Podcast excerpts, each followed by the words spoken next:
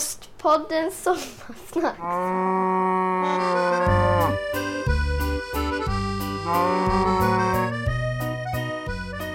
Det här är alltså Ostpoddens Sommarsnacks. Och jag är Johan. Ja, det är söndag och vi lämnar eh, midsommarhelgen bakom oss. Tekniskt sett så är det ju det här annandag midsommar. Va? Men jag har aldrig hört talas om någon som firar det. Söndagstema har jag på gång dock. Men först måste jag bara berätta att jag är på synnerligen gott humör idag. Det är ju nämligen så som ni kanske vet att jag kör en grej som heter Cityysteriet här i Göteborg. Jag tillverkar och säljer ost helt enkelt. Och eh, när man gör det så är det väldigt viktigt att ostarna får eh, mogna i rätt temperatur och rätt fuktighet. Nere i eh, vårt eh, ysteri så har vi eh, två stycken såna här kylrum där vi kan hålla olika temperaturer då för olika ostar att mogna i. För ett tag sedan la de här kylrummen av. Då la jag ner kan man väl säga. Sen var jag där idag och bytte en säkring. Då gick kylrummen igång. Så ehm, då gick jag också igång kan man väl säga och eh, nu är jag på bra humör igen. För eh, det var en hiskelig massa pengar som vi slapp ösa ut med just nu i alla fall. Förr eller senare så tror jag att de där kylrummen kommer att eh, skära ihop. Men vi kör på så länge det går med det vi har. Och det finns säkert de som skulle tacka Gud för detta. Eh, jag tillhör inte dem, men det för oss in på vårt söndagstema som jag pratade om alldeles nyss. Eh, idag tänkte jag nämligen repa igenom prästosten lite snabbt.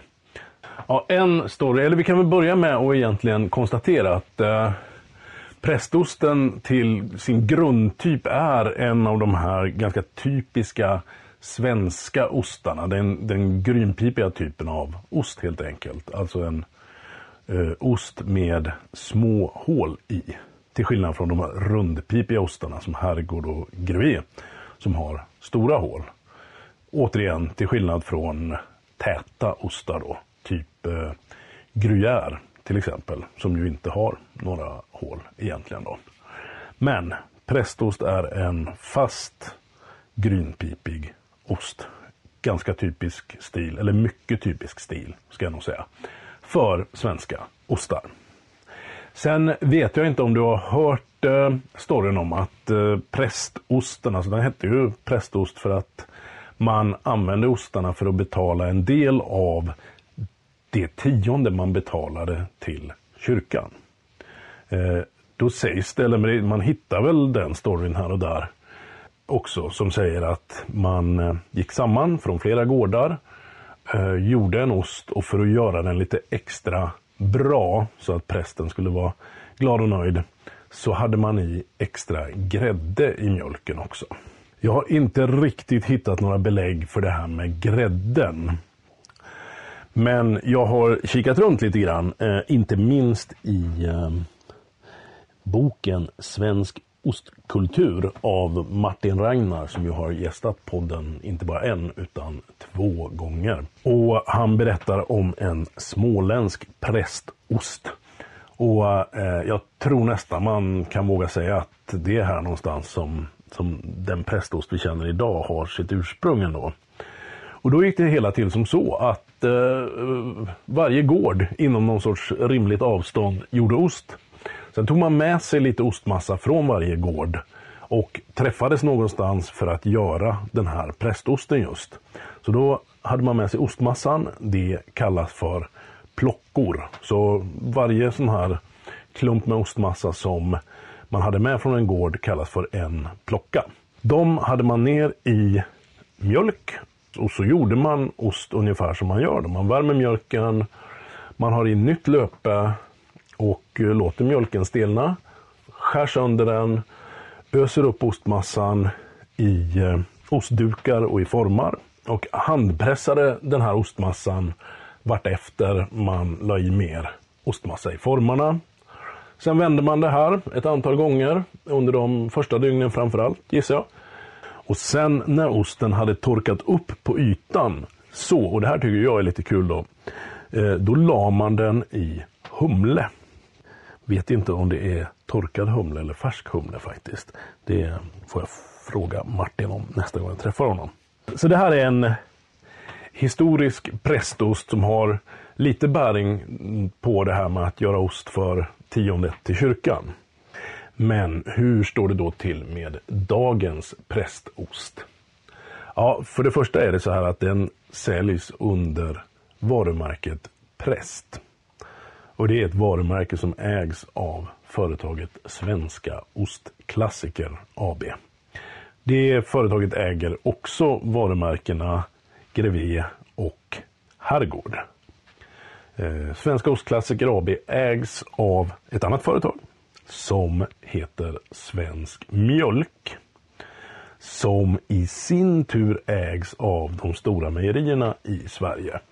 Det vill säga Norrmejerier, Arla, Falköpingsmejeri och Skånemejerier. Präst har alltså inget eh, ursprungsskydd eller liknande men har däremot ett eh, varumärkesskydd. Och eh, dagens präst görs givetvis inte på plockor från runt om i grannskapet. Utan på ett ganska typiskt sätt för en eh, grynpipig, eh, lite hårdare ost. Eh, det innebär alltså att man värmer upp mjölken, eh, man syrar mjölken, tillsätter löpe, skär kaglet ganska fint. Man rör ganska länge och hettar också upp ostmassan lite grann innan man tar upp ostmassan och lägger den i form. Till skillnad också från den småländska prästosten som vi pratade om tidigare så pressas dagens prästost mekaniskt när den har fått torka upp lite grann. Sen ska prästen lagras minst 3-4 månader för att börja få lite smak och karaktär. Längre lagring gör osten lite sprödare och mer intensiv och utvecklad i smakerna. Eh, och som med allting finns givetvis en bortre gräns för hur länge man ska lagra det här innan det blir eh, sämre igen. Men jag har käkat prästost som varit, eh, ska vi se, sex år gammal och den har varit helt fantastiskt. Men det kräver givetvis en ost som redan från början är riktigt bra och lämpar sig för lagring. Och det kräver att den lagras med väldigt mycket kunskap. Det krävs en bra affinör. Vill du veta mer om affinage lyssnar du på poddavsnittet med Ulrika Åkesson från bryggeriet i Götene. Det är kanske två år tillbaka som du hittar det. Men eh, nu börjar söndagen leda mot sitt slut och Eh, jag tror du har fått dig lite grann till livs om prästosten. Funkar ju alldeles utmärkt på macka. Men en vällagrad prästost gör sig otroligt bra på en ostbricka också, vill jag påpeka. Och återigen är det så att eh, Ostpodden finns såklart på Instagram. Det gör även Cityysteriet där vi heter Cityysteriet Gbg. Och Cityhysteriets bråkiga lillebrorsa finns också där. Eh, han heter Dairy Punks. Följ gärna alla de tre så blir jag toppglad. Och tipsa gärna någon eh, som du tycker behöver veta lite mer om ost, om Ostpodden. Det här har varit Ostpoddens sommarsnacks. Du har varit ganska tapper. Tack så mycket för att du har lyssnat.